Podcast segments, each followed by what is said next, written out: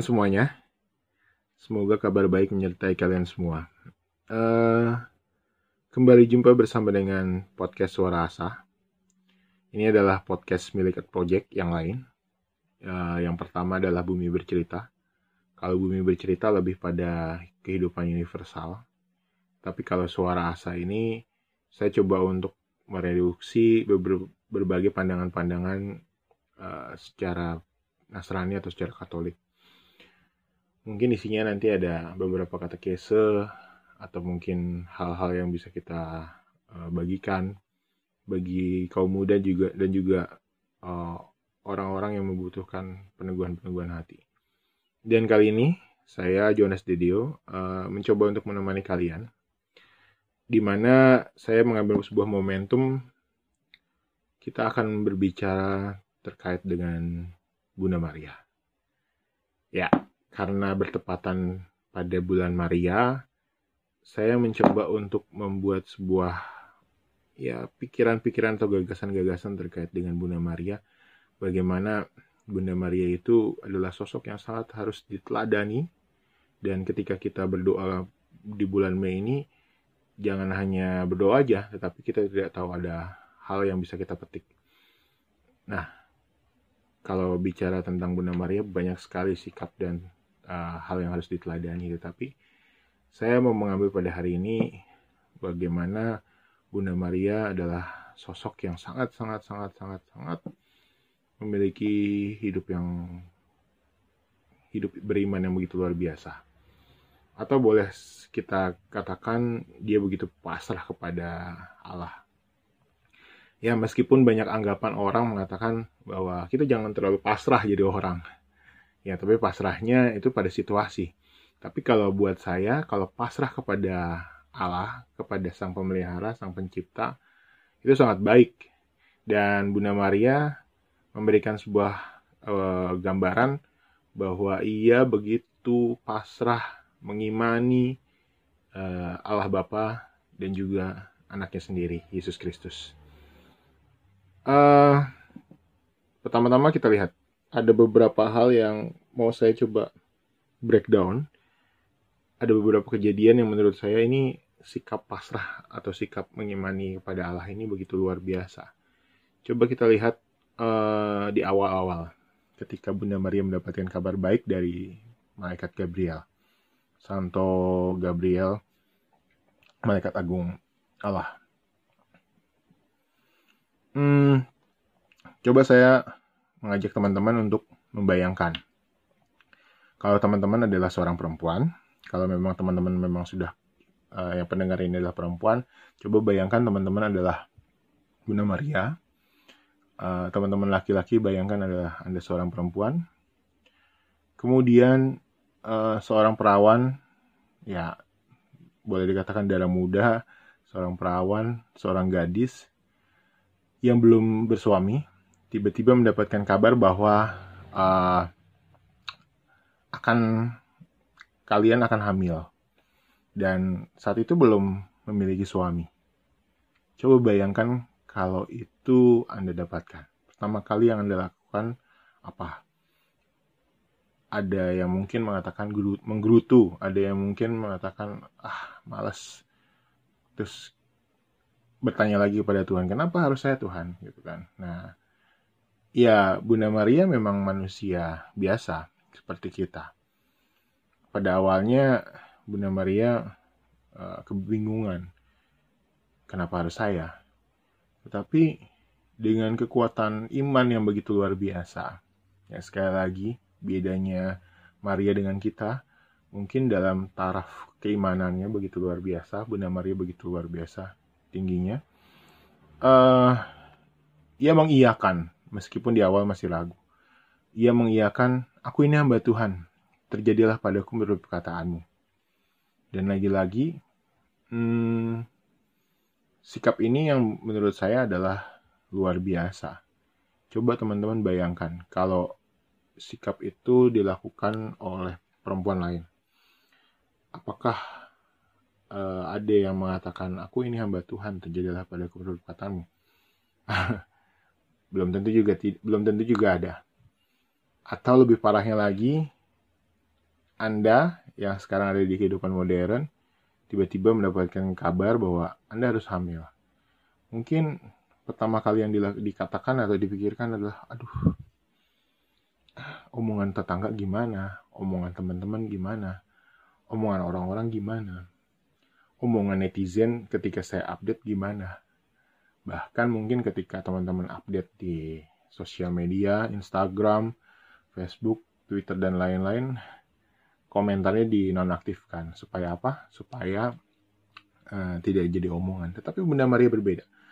Bunda Maria begitu luar biasa menerimanya, bahkan ia memberikan kabar baik itu juga kepada saudara-saudarinya, salah satunya adalah Santa Elizabeth. Dan kebahagiaan itu bukan hanya omongan, bukan hanya di awal-awal saja, tetapi benar-benar Bunda Maria menyayangi Yesus uh, layaknya seorang ibu yang benar-benar uh, dari apa namanya dari buahnya ya bersama dengan Santo Yosef. Dan Santo Yosef pun juga begitu baik. Dan Bunda Maria begitu menjaga Yesus sampai ia dewasa dan sampai ia mati dan ini adalah sikap pasrah yang begitu luar biasa buat saya uh, coba kita lihat lagi kalau misalkan memang Bunda Maria itu begitu mencintai Yesus dan begitu pasrah kepadanya dan mengimani Yesus itu ketika kejadian di Kana. Nah, ini mukjizat pertama dan mukjizat yang sangat terkenal. Bagaimana air berubah menjadi anggur. Bahkan dulu ketika saya masih kecil, saya berusaha ingin mengubah air menjadi anggur. Karena nggak bisa-bisa akhirnya saya tambahkan sirup di situ. Iya, tapi buat uh, kita yang beragama Katolik kita lihat bahwa saat perkawinan di Kana uh, perayaan itu sempat kekurangan anggur kan. Nah, dan Maria meminta Yesus melakukan sesuatu. Nah, uh, memang kata-kata Yesus mengatakan, Ibu, in, waktuku belum tiba. Ya, maksudnya Yesus adalah saatku untuk melakukan mukjizat, saatku melakukan tanda belum belum waktunya. Tapi lagi-lagi karena keimanan Bunda Maria kepada Yesus, keimanan yang luar biasa, akhirnya menggugah hati Yesus. Dan akhirnya Yesus mau melakukan itu. Dan kepasrahan itu, eh, keimanan itu bukan hanya dilakukan oleh uh, oleh Bunda Maria, tetapi Bunda Maria mengajak pelayan yang ada di situ supaya uh, si pelayan itu melakukan apa apa pun yang diminta oleh Yesus. Karena uh, kalau tidak salah Bunda Maria mengatakan lakukanlah apa saja yang diminta oleh anakku. Dan akhirnya Yesus mengambil uh, mengisi, meminta semua diisi air di tempayan itu dan akhirnya diubah menjadi anggur. Bahkan mungkin mungkin Bunda Maria berpikirnya ya sudahlah uh, yang penting ada anggurnya tetapi Yesus memberikan anggur yang begitu luar biasa yang sangat enak. Uh, ada testimoninya uh, undangan di situ mengatakan baru kali ini saya merasakan anggur yang begitu enak. Ya menurut tradisi Yahudi, hmm, kalau dalam pesta biasanya makanan enak dulu yang dikasih, makanan yang gak enak belakangan atau minuman yang enak uh, duluan. Ya makanan enak duluan, terus habis itu anggurnya juga duluan. Tapi karena kehadiran Yesus memberikan mujizat itu, anggurnya yang paling enak yang baru dihidangkan. Dan itu menurut saya adalah hal yang luar biasa tapi sederhana. Uh, teladan pasrah yang lain yang perlu kita petik lagi saat Yesus menyelesaikan tugas mulianya di kayu salib. Coba bayangkan lagi teman-teman. Kalau teman-teman adalah orang tua, apalagi seorang ibu, apakah berani melihat anaknya membanggul salib, dipukuli, dihina, dicaci maki, disiksa, sampai akhirnya dipaku di kayu salib, dan akhirnya wafat. Mungkin gak tega. Tapi Bunda Maria, sekali lagi, mau bagaimanapun juga, tetap punya sifat kemanusiaannya. Pasti nggak berani melihatnya.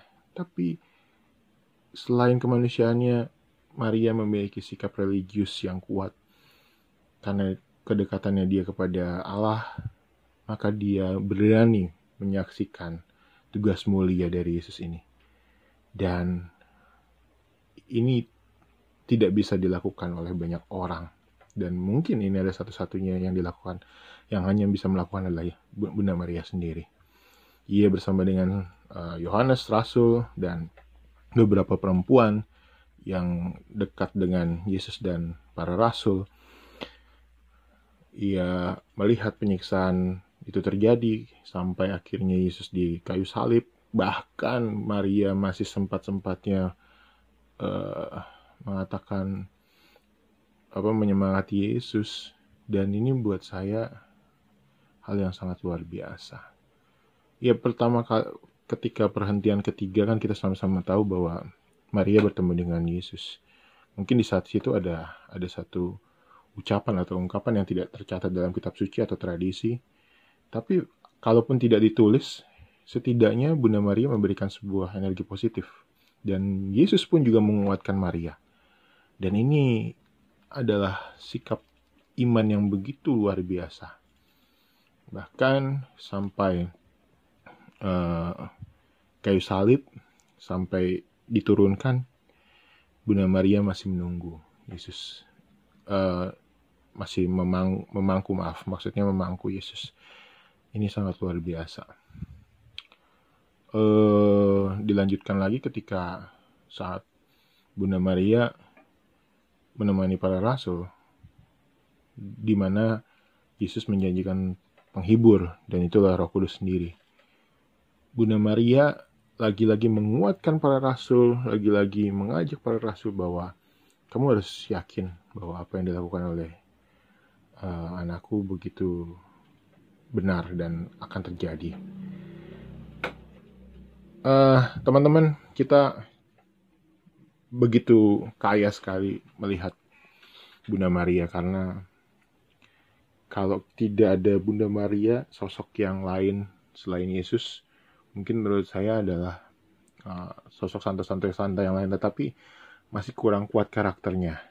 Buat saya secara pribadi, saya sangat berdevosi kepada Bunda Maria. Meskipun di awal-awal di awal-awal hidup saya saya selalu bertanya buat apa sih berdoa sama Bunda Maria? Ngapain sih berdoa sama Bunda Maria? Itu di awal-awal. Tetapi setelah saya benar-benar mengenal Bunda Maria dan saya melihat sosok Maria begitu luar biasa dan Maria benar-benar uh, memberikan perlindungan dan doa kepada saya itu mengubah mindset saya dan selain Santo Rafael dan Santo Yohanes Edio, Santo Santo Santo saya, pelindung saya yang sangat saya kagumi, saya berdoa juga kepada Santa Maria. Di mana Bunda Maria begitu sangat luar biasa memberikan uh, ketenangan hati buat saya. Nanti lain kali saya coba akan ceritakan bagaimana Bunda Maria memberikan uh, dorongan kepada saya secara tidak langsung dan akhirnya membuat diri saya akhirnya berubah dan sembuh. Nah, teman-teman, di pada bulan ini ini adalah kesempatan yang mas kita berdevosi kepada Bunda Maria. Karena kenapa? Bunda Maria adalah sosok yang sangat religius. Mungkin saat itu Santo Yosef berani memperistri Bunda Maria karena sikap kesetiaan dan kepasrahan hatinya yang begitu luar biasa ya. Selain juga Santo Yosef dimimpikan oleh malaikat supaya mengambil Bunda Maria itu tapi uh, yang ingin saya katakan bahwa di balik ini semua Yesus atau Allah uh, memberikan karya yang begitu luar biasa melalui Maria dan kita sangat bersyukur kita bisa meneladaninya dan kita bisa kadang-kadang suka mengutip apa yang dikatakan oleh Bunda Maria, aku ini hamba Tuhan terjadilah padaku menurut kataanmu.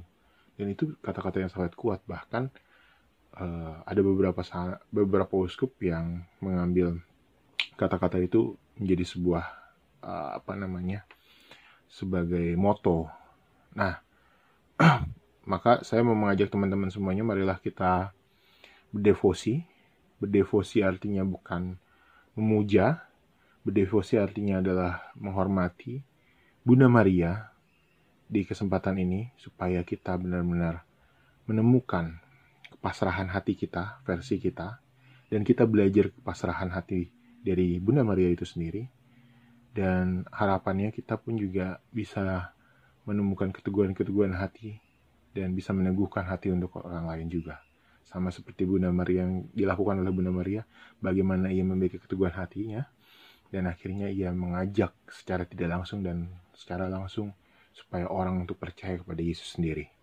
Dan semoga corona ataupun juga apa yang teman-teman inginkan semuanya terjawab dari doa bersama dengan Bunda Maria. Sekali lagi kita berdoa bersama dengan Bunda Maria meminta perantaraan Bunda Maria supaya hidup kita menjadi lebih baik lagi. Sampai jumpa lagi di lain kesempatan. Bye.